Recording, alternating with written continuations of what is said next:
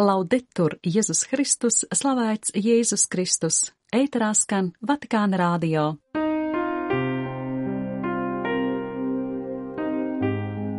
Esiet sveicināti, dārgie radio klausītāji! Uz savas dzīves likumotajiem ceļiem meklēsim Kristus vaigu. Pāvesta uzruna pirms lūkšanas kunga eņģelis. Francisks aicina rast diplomātisku risinājumu mieram Ukrainā un citās valstīs. Kas mēs esam, lai lemtu par citu cilvēku nāvi? Marijāņģelas krēsas stāsts. 26. februāra raidījumu noklausīties aicina māsa Silvija Krilteša.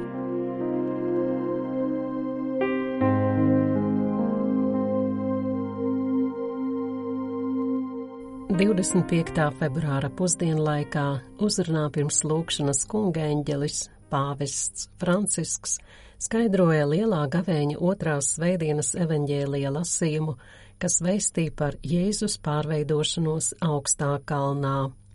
Svētā Pētera laukumā bija sapulcējušies vairāk nekā 20 tūkstoši svētcenieku no daudzām valstīm, ziņo Vatikāna žandarmērija. Pēc tam, kad Jēzus bija mācekļiem pasludinājis savas ciešanas, viņš paņēma sev līdzi Pēteri, Jākabu un Jāni, uzkāpa augstā kalnā un tur atklājās tiem visā savā spožumā.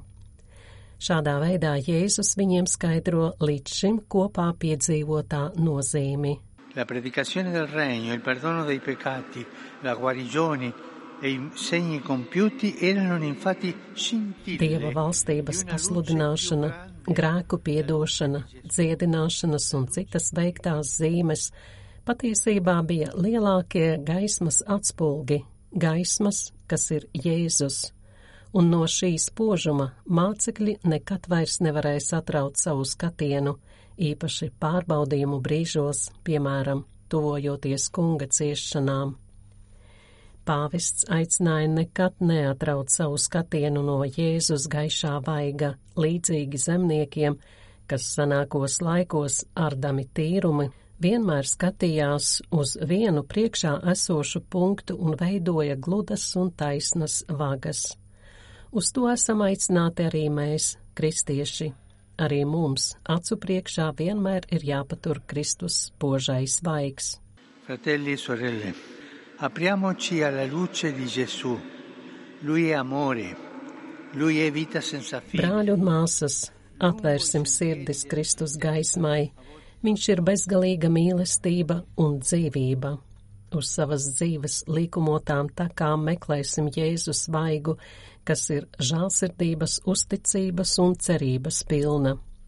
Šajos centienos mums palīdz lūkšana, dieva vārda klausīšanās, sakramenti, īpaši izlīkšanas un evaharistijas sakramenti. Mēs esam aicināti ieskatīties citu cilvēku acīs, mācīties saskatīt dieva gaismu katrā cilvēkā un stiprināt spējas apbrīnot skaistumu, kas atspīd katrā cilvēkā, nevienu neizslēdzot, tajos, kas mums ir tuvi un tajos, kas ir tāli. E questo è un buon proposito per la Quaresima. Coltivare sguardi aperti, divenire cercatori di luce. Lūk, laba apņemšanās gavēnim, iemācīties būt atvērtiem, lai mēs varētu kļūt par Jēzus gaismas meklētājiem lūkšanā un savos brāļos, teica Francisks. Pāvests, kā ierasti, aicināja uzdot sev dažus jautājumus vai es savā ceļā pievēršu skatienu Kristum, kurš iet kopā ar mani? Vai es atvēlu vietu klusumam, lūkšanai, adorācijai? Vai es izeju, lai meklētu Jēzus gaismas stariņu katrā satiktajā brālī un māsā? Un vai es neaizmirstu pateikties viņam par visu? Lai vissvētākā jaunava Marija, Dieva gaismas apmirdzēta, palīdz mums neatraut skatienu no Jēzus, un skatīties uz visiem ar lielu mīlestību. Pēc lūkšanas kungeņģelis pāvests Francisks uzsvēra, ka sestdien, 24. februārī, mēs ar rūgtumu atcerējāmies otro gada dienu kopš Ukrainā sācies pilna mēroga karš. Quante vittime, feriti, distruzioni, angustie, lacrime Cik daudz bojā gājušo, ievainoto, cik daudz siešanu un asaru visā šajā laikā, kas kļūst briesmīgi garš un kuram vēl nav redzams gals. Uzrunājot svētceļnieku svētā Pētera laukumā, sacīja Romas bīskaps. Karš izposta ne tikai šo Eiropas reģionu, bet arī rada globālu baiļu un naida vilni apliecinot savu vislielāko mīlestību pret cietošo Ukrainas tautu un lūdzot par visiem, īpaši par daudzajiem nevainīgajiem upuriem, es nemitīgi lūdzu par to, lai tiktu atjaunota kaut daļiņa cilvēcības, kas spētu radīt apstākļus diplomātiskam risinājumam, meklējot taisnīgu un ilgstošu mieru Francisks aicināja ticīgos neaizmirst lūgties par Palestīnu, Izrēlu un citām tautām, kurās notiek karš un kurām nepieciešama konkrēta palīdzība. Padomāsim par cilvēku ciešanām, par ievainotajiem, par nevainīgajiem bērniem, sacīja pāvests, norādot, ka viņš ar satraukumu seko līdzi pieaugošajai vardarbībai Kongo Demokrātiskās republikas austrumos.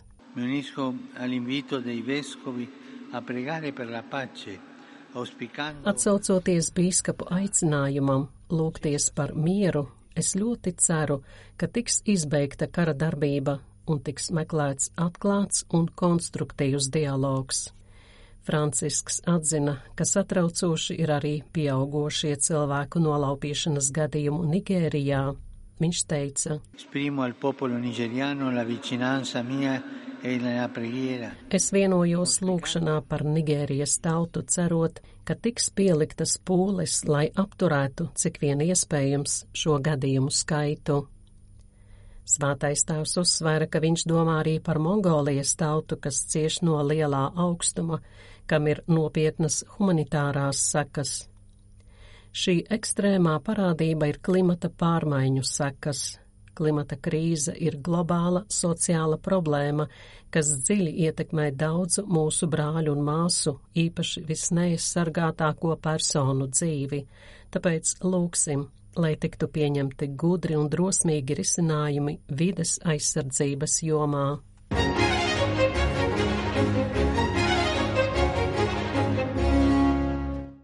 Saglabājas viegli gripai līdzīgi simptomi, bezdrudža, 26. februārī paredzētās audiences ir atceltas kā profilaktisks pasākums, ziņo svētā krēsla preses dienests.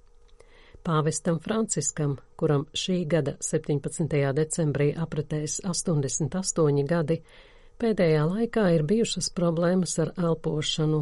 Jau pagājušajā sestdienā tika atcelta pāvesta darbība.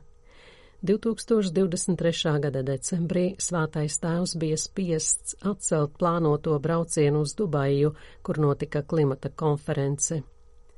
2023. gada martā pāvests tika uzņemts Romas Džemelli slimnīcā elpošanas problēmu dēļ. Pagājušā gada jūnijā viņam tika veikta vēdera operācija.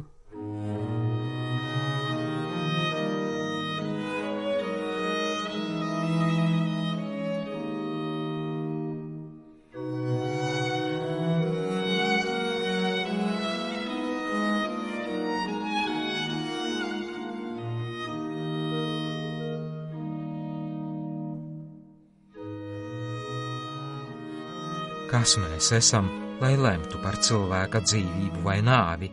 Uz šo jautājumu, diemžēl, daži, jo īpaši nesen, ir nolēmuši dot atbildi - nāve.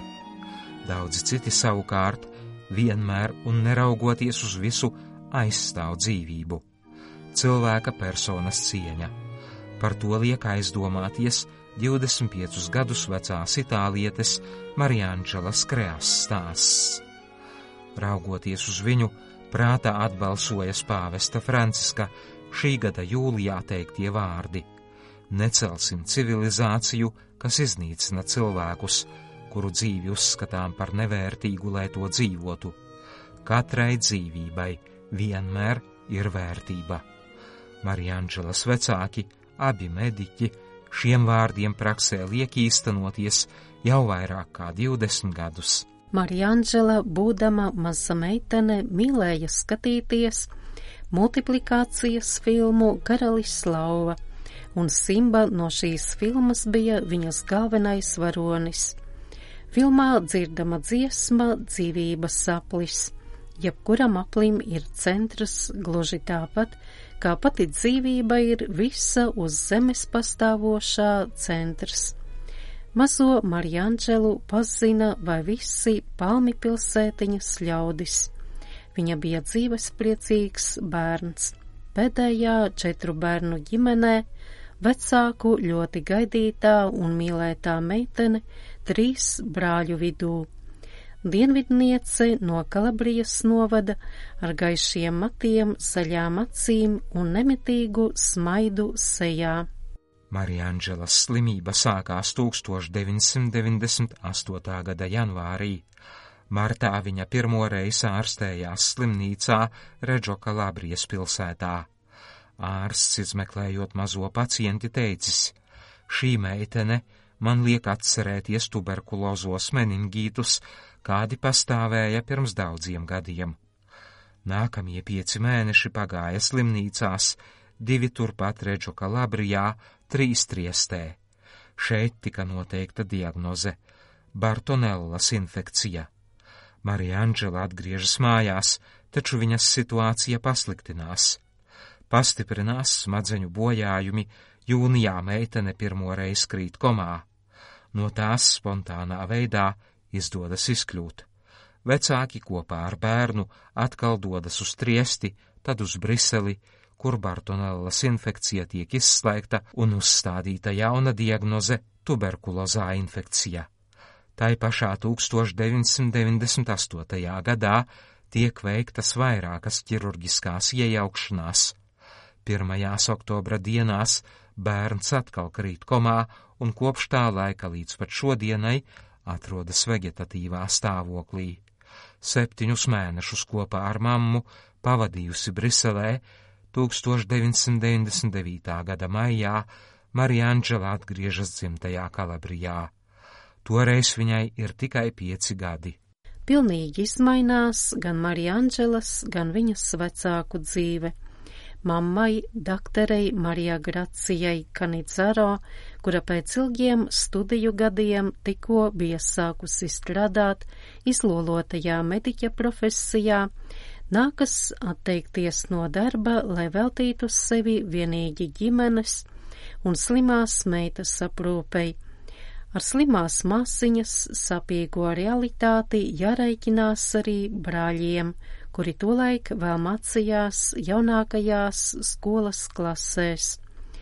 No atpūtas brīžiem atteicās arī abas vecmāmiņas tēva mātei, kuras vārdu nes Marija Anģela un kuru viņa redzēja piedzimstam, savu mīlestību pret mazmeitu apraksta kā lielu, milzīgu, bezgalīgu. Mātes mātei lielas ticības vadīta, meitenei sēž blakus gandrīz katru dienu. Turot viņas roku savējā, vecmāmiņa neatlaidīgi lūdzas. Lūdzas arī otra vecmāmiņa, tāpat arī vairāki citi cilvēki, kas šo ģimeni pazīst. Būt vecākiem nozīmē dāvāt pasaulē jaunu dzīvību, to sargāt un vēlāk spēt atlaist brīvībā. Šī brīvība prasa drosmi, atbildību, briedumu. Šīs kvalitātes ir vēl nepieciešamākas tiem vecākiem, kas atrodas pieauguša, bet slima bērna priekšā, kurš ir jāprūpē, jo ir trausls, gluži tāpat kā pirmajos dzīvības mēnešos. Šis trauslums neko neatņem no cilvēka cieņas, kuru tik neatlaidīgi aizstāv Marianģelas tēvs. Arī viņš ir mediķis.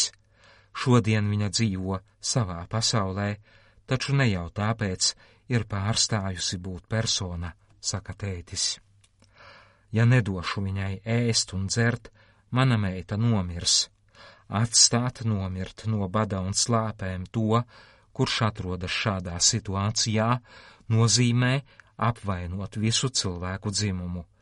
Tas, kas ir noticis pasaulē, ir licis zaudēt cilvēka taiskaitā arī manas meitas cieņu, piebilst Marianģelas tēvs, runājot par gadījumiem, kuros cilvēki, kas atrodas vegetatīvā stāvoklī, ir tikuši nolemti nāvei. Marianģelas dzimtajā Palmi pilsētiņā atrodas Villa Madzini ar apkārtesošo publisko parku. Tā ir viena no skaistākajām vietām Reģo Kalabrijas provincē. No turienes šķiet ar roku ir iespējams aizsniegt Sicīliju ir labi saskatāms Mesīnas jūras šaurums un Eolu salas. Šai parkā jo īpaši vasaras rīta stundās, kad apkārtni jau apspīd saule, bet gaiss vēl glabā nakts dzestrumu, vecāki ratiņos izved Marijāņģelu. Šī pastaiga gar jūras krastu vienā pusē un parka zaļajiem kokiem otrā Daktarim Krejā nozīmē paradīzi. Te ir saule un svaigs gaiss, vai ne, Marija Anģela? Saka tevs, noglāstot meitas galvu. Dzīvojam tā, it kā dzīve būtu pavisam normāla, stāsta ģimenes galva. Šī ir viena no tām ģimenēm, kas pasaulē rāda, ko nozīmē centrā likt cilvēka personu katra cilvēka dzīvību un cieņu. Marianģelas un viņas ģimenes stāstu Vatikāna radio rubrikai Stāsti atsūtīja Andrea Di Angelis no Kalabrijas novada.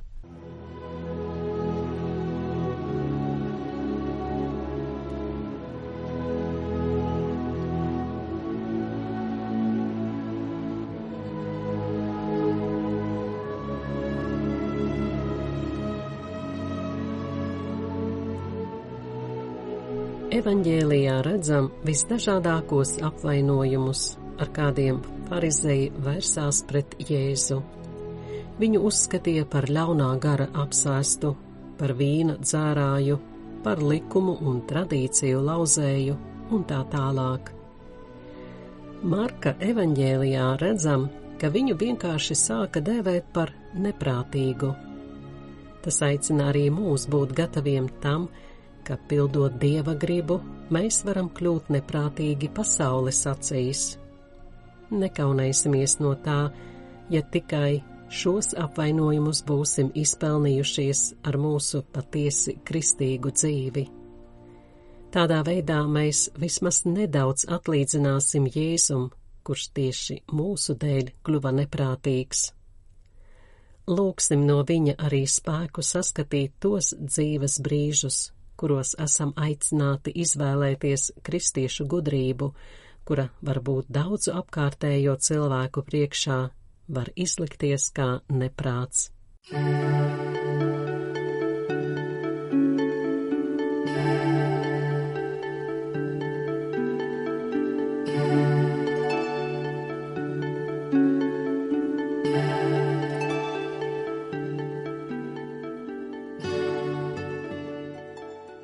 Mūsu tikšanās laiks ēterā ir aizritējis. Viņš paldies, ka bijāt kopā ar mums. Slavēsim kungu un pateiksimies par visiem labumiem, ko no viņa saņemam, īpaši par vislielāko dāvanu viņa mīlestību. Slavēts Jēzus Kristus! Laudēt tur Jēzus Kristus!